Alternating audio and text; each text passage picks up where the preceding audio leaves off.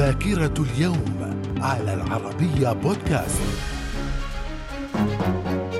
أهلا بكم إلى ذاكرة اليوم السادس عشر من سبتمبر ففي العام 1776 وقوع معركة مرتفعات هارلم وهي إحدى معارك حرب الاستقلال الأمريكية. في العام 1804 العالم الكيميائي والفيزيائي الفرنسي لويس جوزيف يقوم بطلعة في منطاد مملوء بالهيدروجين والتحليق على ارتفاع سبعة أمتار لقياس جاذبية الكرة الأرضية ودرجة الحرارة وضغط الهواء والتركيز الكيميائي.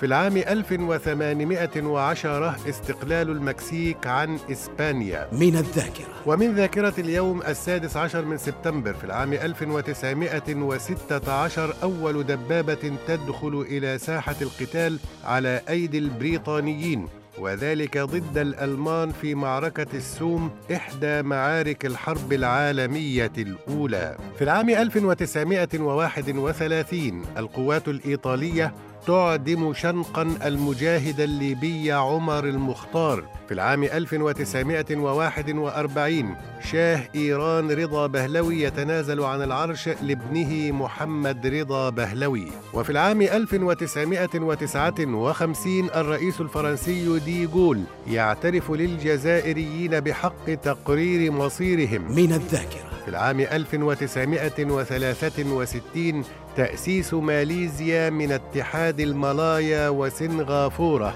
وبورنيو الشمالية البريطانية وسراوق. في العام 1970 ملك الأردن الحسين بن طلال يعلن الحكم العسكري في أعقاب اختطاف أربع طائرات مدنية من قبل الجبهة الشعبية لتحرير فلسطين بزعامة جورج حبش.